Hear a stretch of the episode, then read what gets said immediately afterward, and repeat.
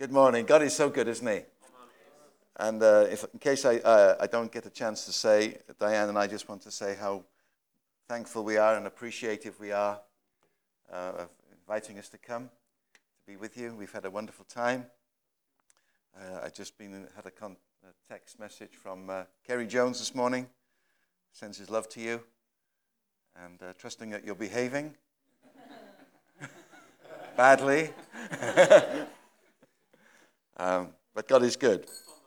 Um, yesterday, uh, uh, just remind us where we've come from. We're talking about from Colossians. Remember that the gospel is going all over the world, including Trondheim and Oppdal and Mulda. And yesterday we talked about the fact that uh, when we are born again, when we receive Christ, we receive the Holy Spirit uh, through believing and speaking. We get baptized in the Holy Spirit through speaking.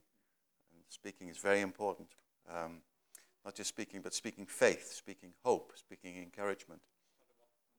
And that uh, we have all the ability of God, all the ability of the power of the Holy Spirit in us. Um, and then we, we looked at the, uh, the fact that uh, I think one of the most important verses for us as a people at the moment is John 14, verse 12, which says, uh, Anyone who has faith will do the works I've been doing and even greater because I'm going to the Father. And I, I was so excited last night to hear the testimonies uh, of a healing. And, uh, it's like, what's your name? Siri. Siri, like the apple, like Siri. hey, Siri. Siri. Uh, I love Siri's testimony because she was so brave to say that, you know, think I, she said, I was praying that the lady would not be there when I went back but she was. I love the honesty and the, the lack of fear in that. And then she said, I prayed for her, but I, I didn't want to ask how she was. But that's fantastic. That's great. That's okay. We're learning. And uh, the more we do it, the more we realize that the Lord is with us. And it was great to see you actually praying with people yesterday. And as we said on Friday, we're, we're writing stories from Trondheim now. We, you have been before, but you just didn't realize. You've been, you've been writing stories of what the Lord is doing for a long time. And then last night we talked about hope. And um, we finished by singing a, song that the sun will come out tomorrow. And, and look, would you, would you, could you do me a favor? Could you just pull those blinds up a second? I know you can put them back down in a second. Just, now, we can, put the, we can put the blind down in a moment. But I, I, I don't believe in coincidences. We, we sang in this room, the sun will come out tomorrow. Because that's our hope. And look what happened. We were lucky. No. the sun. We knew the sun. Oh, were you okay there? Yeah. It's, enjoy it for a moment. Get some rays. Pretend you're in uh, Spain. That's your prayer? Oh, hallelujah. The sun actually came out tomorrow. Why? Because God is a good God. And that's our hope. Okay, you can. Spain is going away now. we talked about hope. That uh, hope is not fingers crossed, it's not maybe, but Bible hope is hope in God. Let's, let's read us some scriptures again. And then I said that I was going to give you four things this morning about how uh, we can live every day in hope. And these are things that um, Diane and I have come to, to appreciate and to put into practice. All the things that we share with you, we, we are learning. We're not experts, but we are learning that these things are working for us in our life, in our marriage, raising our children, our grandchildren, in our health, in, in our finances, in our life in the church. You know, we, we, we are learning these things ourselves. Um, we make mistakes sometimes, many times, but we're learning. And uh, Jeremiah 29, verse 11, remember this verse. Jeremiah 29, verse 11 says, I know the plans I have for you, declares the Lord. Plans to prosper you and not to harm you. Plans to give you hope and a future. I, I love that verse. Romans 4, verse 18, we saw said, against all natural hope, Abraham, in hope, had faith in God. He put Bible hope to work, and he had faith. And so he was able to become the father of many nations, just as it had been said to him, So shall your offspring be. When all natural hope had gone, he hung on to hope because he knew that his future was good. He knew it was going to work out. Even though he had to wait 25 years, he knew it was coming. Romans 15:13 says, "Now may the God of hope fill you with all joy and peace as you trust in him, so that you may overflow with hope by the power of the Holy Spirit." Hope doesn't mean you just hold on by your fingernails. You overflow with hope. Uh, and we'll talk about that later.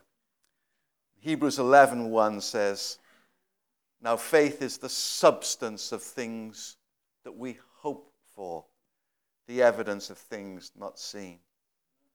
And, and then we said that Bible hope is like that coat peg. Remember your finger? And we hang our faith on the coat peg of hope. So the stronger our hope in God, the stronger our confidence in the God of our future, the stronger our faith will be for today. And because we have a strong hope that everything in the future is going to be good and better than it is now, because God is good and God has great plans for us, plans to prosper us, plans to give us hope. And a, are you getting blessed, my brother? Yes. Plans to give you hope and a future. You know that because that is so strong, your faith hangs on it, and you says, "That's fantastic, and my future." And I'm bringing that into now. So what God has promised about my future, I'll have it. It happens now. And remember, we, we did our exercise. Would you like to do some exercise? Just uh, one more time. Out there for hope, and you pull it, and faith says, now. That's what faith is always now. Faith pulls your future hope into the now. And that's why, even if it didn't happen today, you're still living as if it has. And you're living in the good of it. And that's why you you see it and you have it. That's why Jesus said, if you have faith, if you believe, you, if you believe and have faith, that you have received it. Not that you will, you have received it. It will be done for you. So let's um, just uh, look at, I'll give you four things that we have learned. There are more than four, many more than four. But these are four things that uh, Diane and I are learning in our life that en- enables us to live by hope and, and faith then. And that enables us then to move in, uh, in, the, in the works of God. That when we're laying hands on the sick, when we're seeing evil spirits come out of people, we're expecting things to happen because we're not saying it's going to happen one day, it's, to, it's happening now. And, and this is your moment, my friend all the things you've been hoping for, for your health and your strength, my God says you'll have it today. Because my, my God says he has plans to prosper you and give you a future. And your future is not sickness and long term sickness in your own body. Your future is health. So I say, you can have that today. You don't have to wait till tomorrow. Amen? See how faith works? And all of a sudden you're thinking, yeah, I know I'm going to be well. and today's the day. Sorry about the wiggle. Okay? Are you allowed to wiggle in Norway?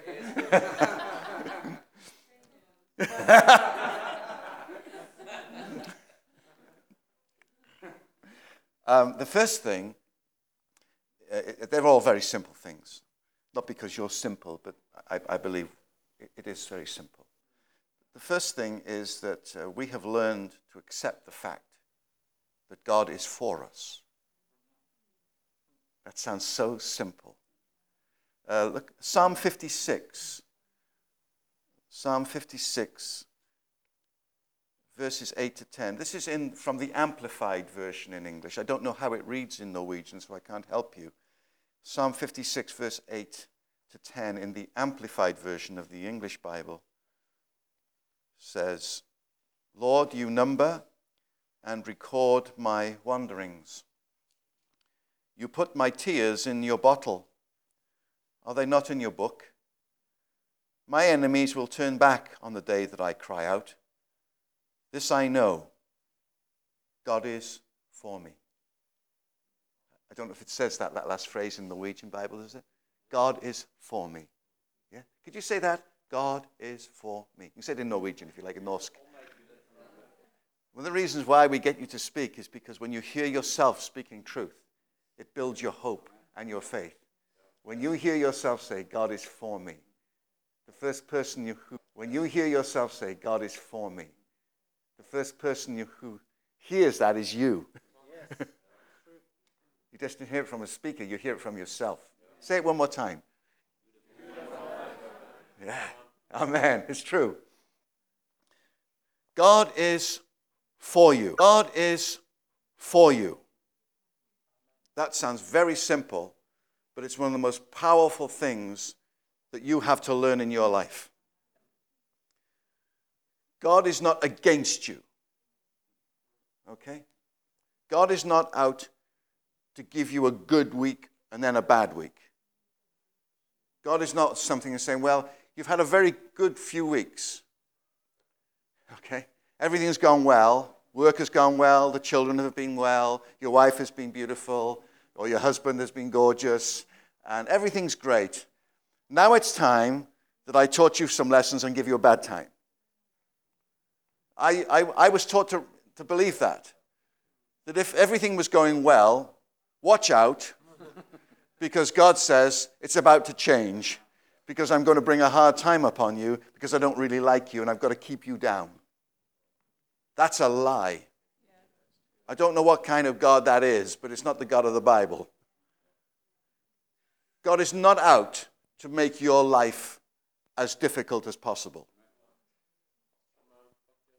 Because we've already said, I know the plans I have for you plans to prosper you.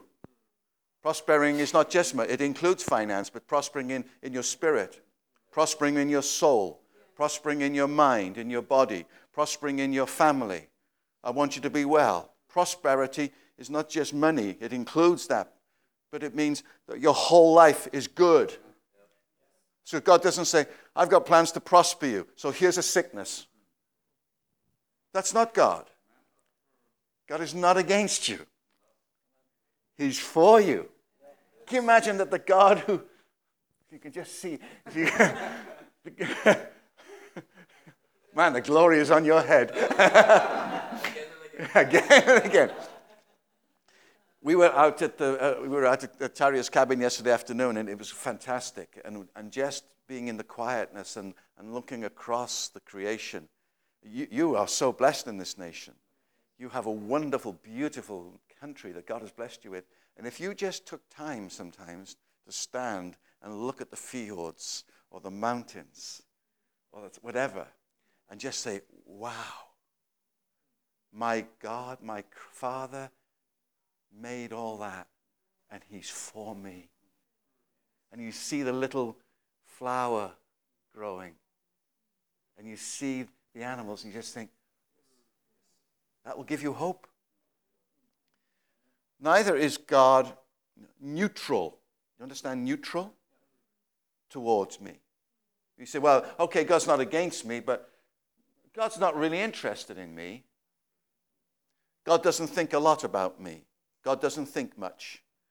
I'm not really that important to God. Um, I don't know why I'm here. You know, my, I meet people sometimes and they say, Well, I, I was never meant to be. My parents never intended to have me. I was an accident. I was the one they never intended to have. I meet people like that. Your parents might not have wanted you. Your parents might not have intended you to be here, but God did. The very fact that you're in this world means you're important.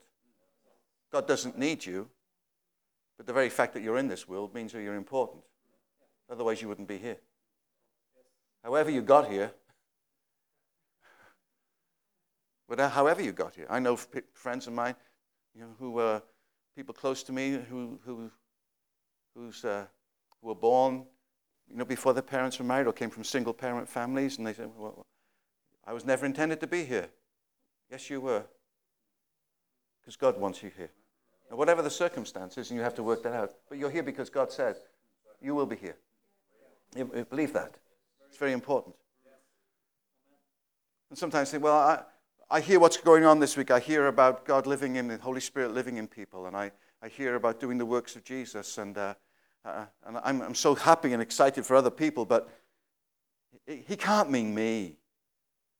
I, I, it can't mean me. I, I'm, not, I'm not really part of that. Yes, you are. You are. If you, if you were the only person in this world, God, Jesus still would have died for you. Don't ever say things like, well, I, we say in English, I just make up the numbers. Do you say that in Norwegian? We just say, well, I'm not really that important. I, I, just, I just make up the numbers. I'm, I'm just a bottom on a seat. Or, or I, just, I just come to the church, or I'm just this, or I'm only that. No, you're not. No one just makes up the numbers. Every one of us is uniquely important in God's eyes. God is on your side. God is for you. He's on your side. And He has plans for you. Would you turn to Romans chapter 8? Now, that might sound very, very simple. But the moment we began to realize in our life, because when we started out, when Diane and I started out, we had no idea where the Lord was taking us, did we? No idea. We were just talking the other day. How did we, we, got, we met in 1976, we are a holiday romance. They never last. Two years later, we got married. We've been married for 37 years. I know. We don't look old enough, do we? Too slow. but all we knew was when we got married, we weren't baptized in the Holy Spirit. Diane wasn't baptized in water. We were just Christians. But I'd been a Christian since I was 13. She was since she was 8. And we thought, well, we just sitting the other day thinking, how did we get to be where we are now? And we just kept saying yes to the Lord. When he said, Will you do this? We didn't say, Oh, no, we can't. We're not, we're not important enough for that. We, we just said, Yeah. Yeah. Why? Because God has hope and a plan for us. God is for us. It is, isn't it? It's very simple. Romans 8, verse 31 says, Now, what are we to say about these things? If God is for us, who can be against us? Now, is God for you? Yes. Is God for you? Well, what can be against you then? What comes, what comes against you? Well, think, things will come against you. It says here death separate you, life, angels, rulers, no things present, no things to come, no powers, no height, no depth. Nothing can separate you if God is for you. Now, we have had to learn that God is for us. He's very much for us. God takes delight in us. And He has intended you to succeed. Okay? So say it one more time God is for me. God is on my side. Good. Second thing is this. And um, I think for us, this has been a massive, one of the massive lessons we've ever had to learn in our life in living in hope and living in faith. The second thing is this we have learned I think we have learned this one. Yeah? You don't know what it is yet, do you? Wise woman. Accept the fact that you will not understand everything that happens to you in your life. Can I say that again? Accept the fact that you will not understand everything that happens to you in your life. Right? Would you turn to Habakkuk, please? Sorry, that's a bit of a challenge. That's Old Testament. Habakkuk, little book, just towards the end of the Old Testament. Use your index if you have to, or if you're very clever. you're very clever. You've got there already, have you? Praise God for the app. Makes you look like you know where everything is, doesn't it? yeah, I know where that one is. Habakkuk, uh, chapter 3 uh, and verse 17 in the English. I know sometimes the verse divisions are different in our Bibles. Uh, it says in verse 17 about the fig tree. It says, Though the fig tree doesn't bud, and there are no grapes on the vines, and though the olive crop fails, and the fields produce no food, and though there are no sheep in the pen, and there are no cattle in the stalls, I will still rejoice in the Lord. I'll be joyful in God, my Savior. What he's saying is this sometimes in life, things don't work out like you expect. it doesn't work out the way you expect. For him, he says, uh, he uses obviously farming illustrations. There, there's, there's no figs. They, did, they didn't, no fruit this year. There's no grapes. No, nothing, nothing grew. Olives didn't even grow. I love olives. Uh, there's no sheep in the pen. I mean, you've got lots of sheep in Norway. We have millions of sheep in Wales. There's no cattle in the salt. Nothing, nothing has worked out. You might want to say, uh, I didn't get that job. The car broke down again. The washing machine broke down again. I failed the exam. The washing machine broke down again. You know, I just we just had the DVD fixed, and you know, little little Taria has put his toast in the DVD again and broken it for the third time this month. Again. We just had it fixed. You know? Our oldest child just decided to draw across the TV again. I didn't get healed yet. Why God? Why God? Prophet, said, prophet says, you know what? No matter what, all that happens, I'll still praise the Lord. I'll still rejoice in my Savior. Now, this, this is very important, I believe, for us in the West. We always want to understand why everything happens to us. What was the reason? I, I want to understand why that happened to me, Lord. People, when I had a, Diane mentioned about that, I had a heart attack 10 years ago. I don't know why I had a heart attack 10 years ago. I'd never been sick in my life. I wasn't overweight. I never was a smoker. I, I ran uh, five kilometers the day before. I felt fantastic.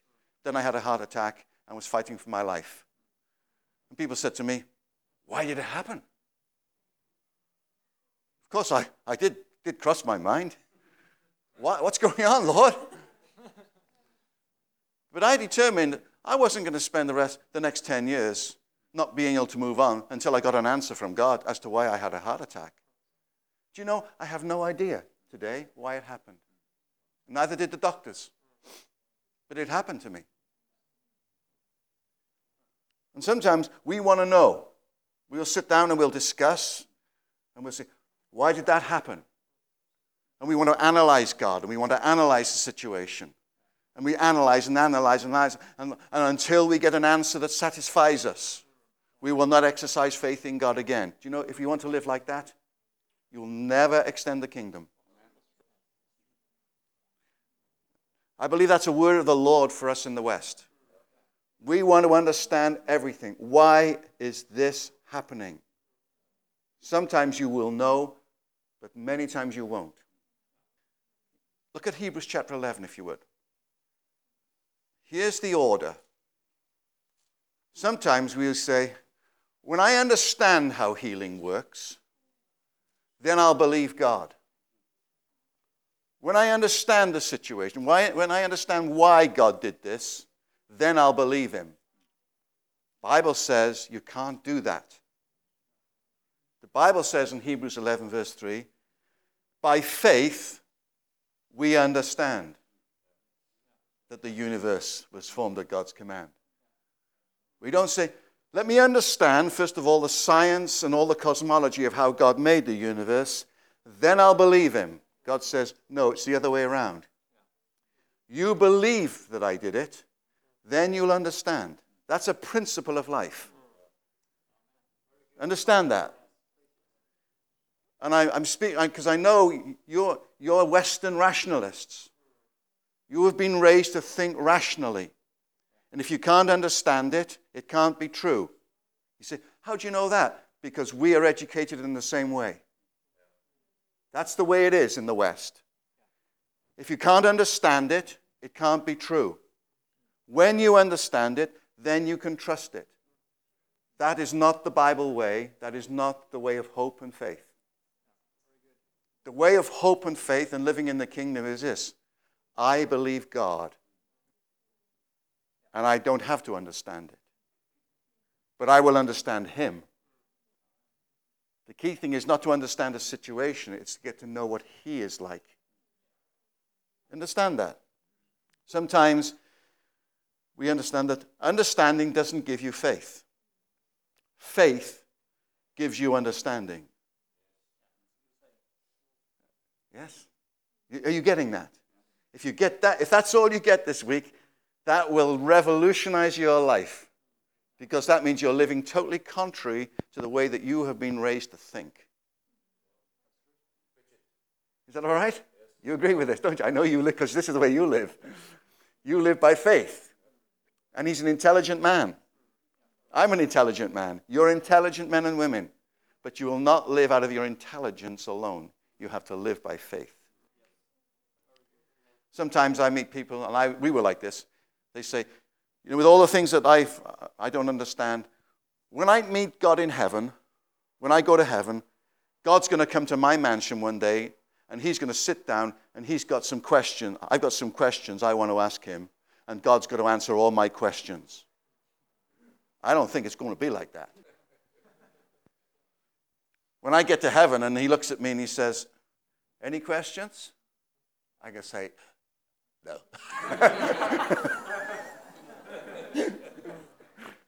no. But I want to live my life now. That when I meet the Lord in prayer, when I meet the Lord in his presence, I'm not thinking, yeah, but Lord, I got, I got some questions before I can, before, I got questions. Now, I've got questions. I've always said, but not questions. I'm always asking questions. But I'm not trying to understand the ways of God and understand things. There are things that have happened to us in our life. We will never understand why they happened. Good things, not just bad things. I don't know why things have happened to us sometimes.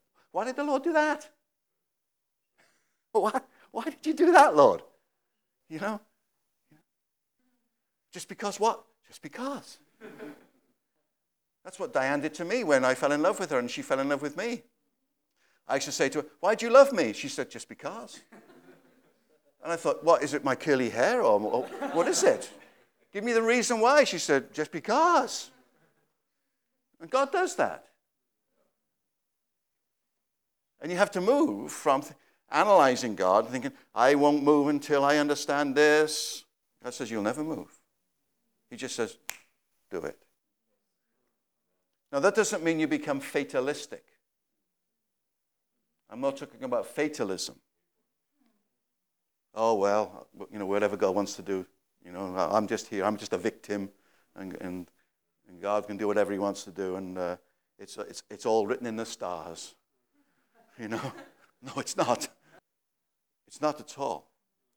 You're working with Him. You're working with Him. But He's God. He knows what He's doing. That's why you live in hope. Hope is the opposite of fatalism. If you read the story of Job, and Job is a Job had a great life. Do you know that? People read Job and they think, what a terrible life he had. He didn't have a, Job had a fantastic life.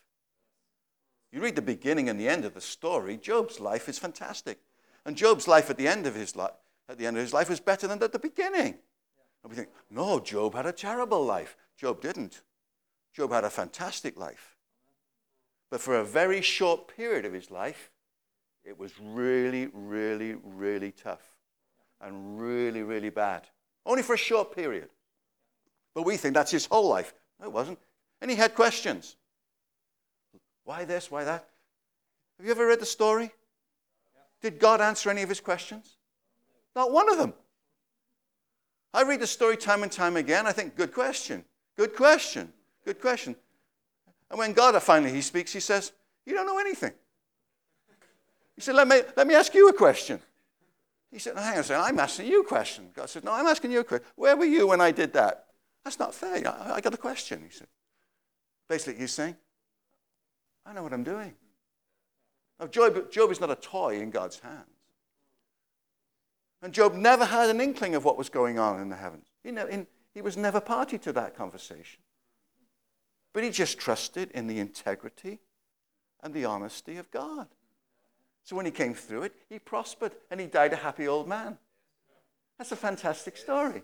He wasn't bitter, thinking, spending the next 60, 70, 80 years of his life thinking, well, I, I can't move on until I understand why that happened. Like, you know, yeah, I know, I know, I'm seeing all these miracles happen. I got all these grandchildren and these children and all my wealth, but I can't move on until I got an answer for that. He would have died a miserable man. Sometimes you just got to say, something happened, I don't understand why it happened, but I'm moving on. And I'm moving on in hope. That's what you'll find sometimes. You're praying for the sick and you think, nothing happened. What do you do? You move on. Something didn't happen the way you expected, you move on. You keep moving. Is that okay? So Diane's just kind of segued into the, into the next thing without realizing it. Well done.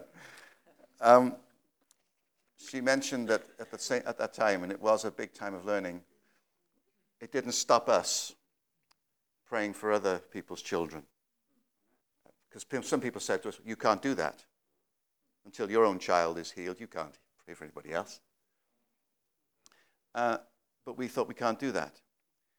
Because we were learning at the same time, this is what Diane touched on, the third thing, is that uh, as living in hope, you also have to give other people hope. One of the biggest ways that we are learning to live in hope ourselves is to sow hope to other people. That's what we had to learn to do in those days. Um, that's why uh, Proverbs 11, verse 25 says, A generous man will prosper. He who refreshes others will be refreshed. It's part of the law of sowing and reaping. Romans says about overflowing with hope. Well, if you're overflowing, you, you don't keep it to yourself. Hope just comes out of you, doesn't it? All the time. Hope just comes out of you all the time. So it's like you stand, it's like standing under a shower. You, you go in the shower, it comes, you, you come near to you, you go away with hope. I spend, have a, one cup of coffee with you out of the many hundreds you drink a day. and you go away thinking, wow, I've got, I've got more hope than when I came. Why? Because I, I've met someone who dispenses caffeine and hope in great abundance. hope flows out of you. Uh, and that is a, Napoleon uh, said all his leaders were dealers in hope. That's how he defined his leaders. That's why he had the greatest military force of his time, because his leaders were dealers in hope. Their soldiers actually believed they could do anything, and they pretty much did until they met Waterloo. I know, that's another story. so let me pick up on what Diane said, because Diane has unlocked a very thing, and she, I must be honest, she learned it way before me. Uh, you have to be a dispenser of hope not sympathy. Sympathy will not build hope. There's a difference between in English we call sympathy and empathy. Sympathy just means I feel sorry for you. Empathy means I understand you. But empathy doesn't bring sympathy. Empathy will always lead you to hope. Yes? If you meet someone who's just want to be sympathetic to you and feel sorry for you, that's not going to do you any good. It'll just make you feel worse. Because all they're trying to do is saying, yeah, it is bad, isn't it? And I don't think it's going to get any better. But I just want you to know if you need, if you need any, if you need a shoulder to cry on, I got a big shoulder to cry on. I'm just here for you. Empathy says, I don't know what you're going through right now, but I know this God is for you, and I'm for you, and I want to encourage you in the Lord. Not coming with, with glib sayings, but you know, if there's anything you need, I'm here for you. And I'm going to be praying for you. And I'm going to bring you through. And if you need a cup of coffee, there's the man. but I'm going to strengthen you. Or I have nothing to say. I'm with you. That's all I can say. I'm with you. But I'm with you. And I'm a man of hope. And I'm with you. Understand how empathy works? Even if your own situation has not changed, encourage those whose situations need to change. Let me give you an example. Diane's given you that. You might, you might be unemployed. You might be looking for work. And your, and your friend is also looking for work.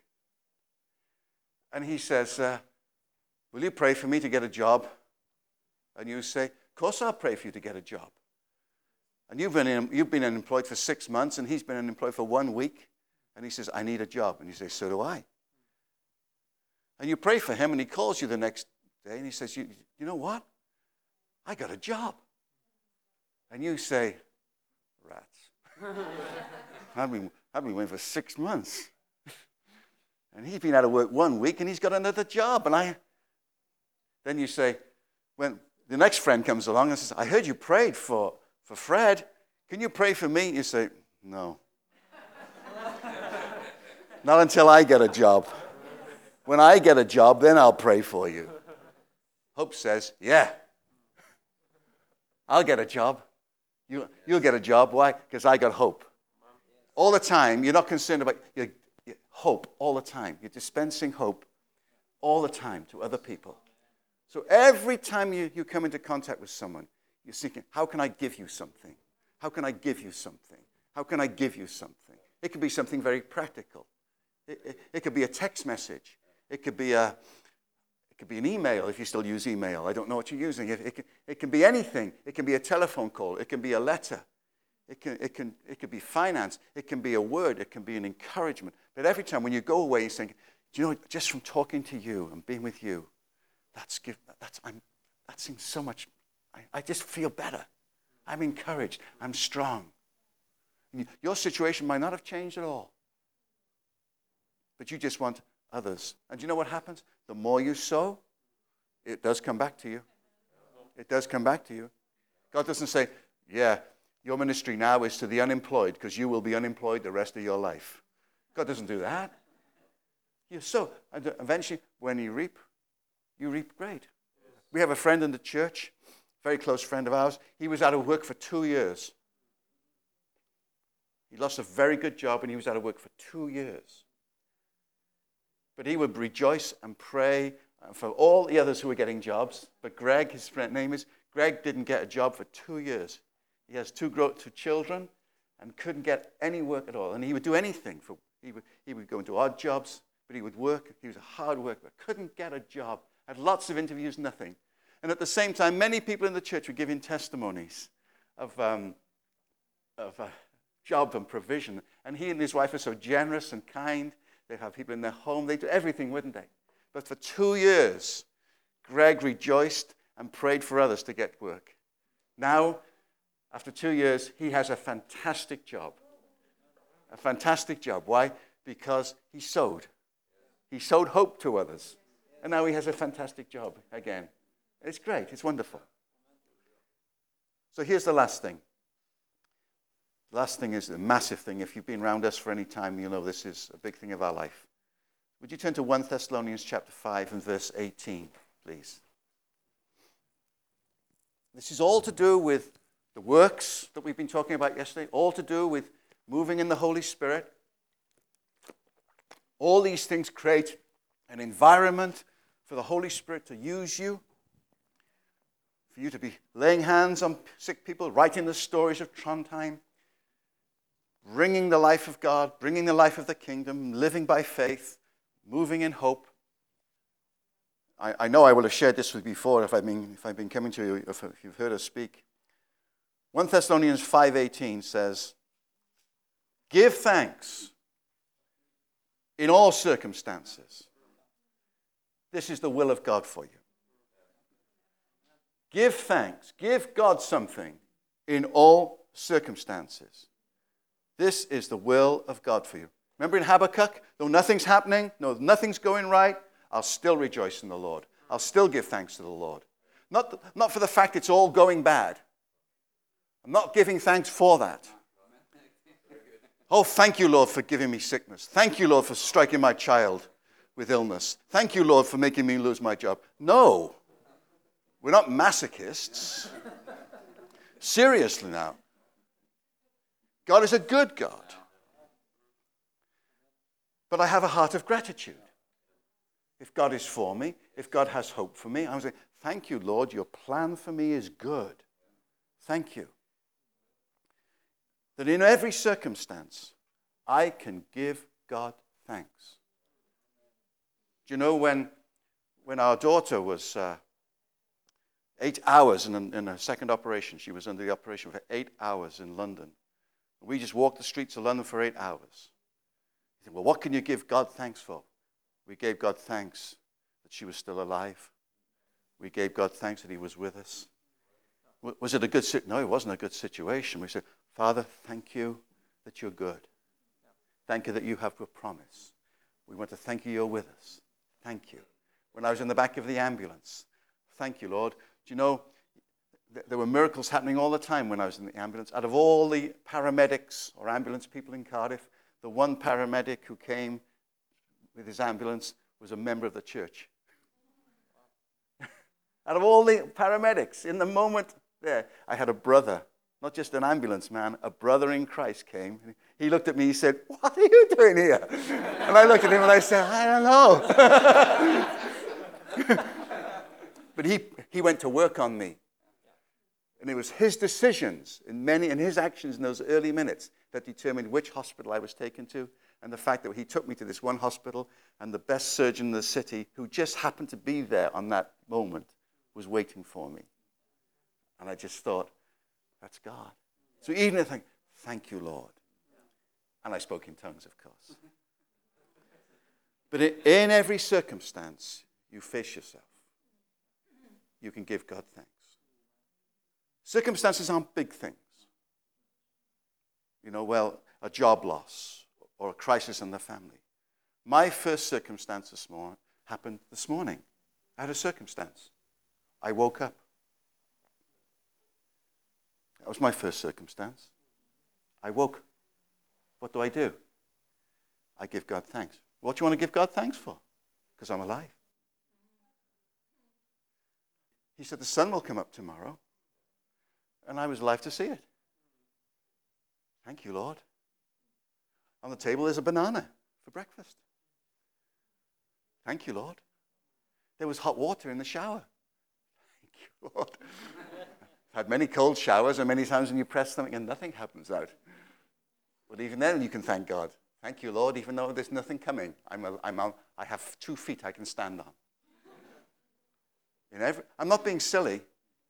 If you facilitate an attitude of gratitude, of thanksgiving to God, you will find that your life and fellowship with the Holy Spirit will, be will blossom. You might be sitting saying, I got nothing to give thanks for. Really? I got nothing to give God thanks for. Really? You got nothing to give God thanks for? Not really. Really? Just, sit quietly for a moment as we finish. Just think of something you can give God thanks for. We can all give God thanks for something, can't we? On a count of three, we're all going to say together, very thing right now, you're thinking, Lord, I want. And you're going to say it out loud. Okay? not one by one. So don't worry about the noise. Say, Thank you, Lord. It might be, whatever it is. Just on a count of three. And then once you've said it, just sit quietly. And you'll hear him say something to you in your spirit. You ready? One, two, three. Isn't that wonderful? All because you took time to say thank you. Every time you say thank you, he'll respond. Sometimes you'll say, There's more yet. And the more you keep giving thanks, the more you live in hope, you will find that He will continue to grow in faith in you. So, those are the four things. Now, that put all that together with what we've been sharing, I guarantee success. but I think we're going to pray right now. Just listen to Psalm 91. This is the Lord's future and present. Just enjoy this now. Experience the reality of this. Just listen to it as I read it to you. He who dwells in the shelter of the Most High will rest in the shadow of the Almighty. I will say of the Lord, He's my refuge and my fortress, my God in whom I trust. He will save you from the foulest snare and from the deadly plague. He'll cover you with his feathers, and under his wings you will find refuge. His faithfulness will be your shield and your rampart. You will not fear the terror of night, nor the arrow that flies by day, nor the plague that stalks in the darkness, or the plague that destroys at midday. A thousand may fall at your side, ten thousand at your right hand, but it will not come near you. You will only observe with your eyes and see the punishment of the wicked. If you make the Most High your dwelling, even the Lord, who's my refuge, no harm will befall you, no disaster will come near your tent. For he will command his angels concerning you to guard you in all your ways. They will lift you up in their hands and so that you will not strike your foot against a stone. You will tread on the lion and the cobra. You will trample the great lion and the serpent. Because he loves me, says the Lord, I'll rescue him. I'll protect him, for he acknowledges my name. He will call upon me, and I will answer him. I will be with him in trouble, and I will deliver him and honor him. And with long life I will satisfy him and show him my salvation. Just open your hands right now to receive from the Lord.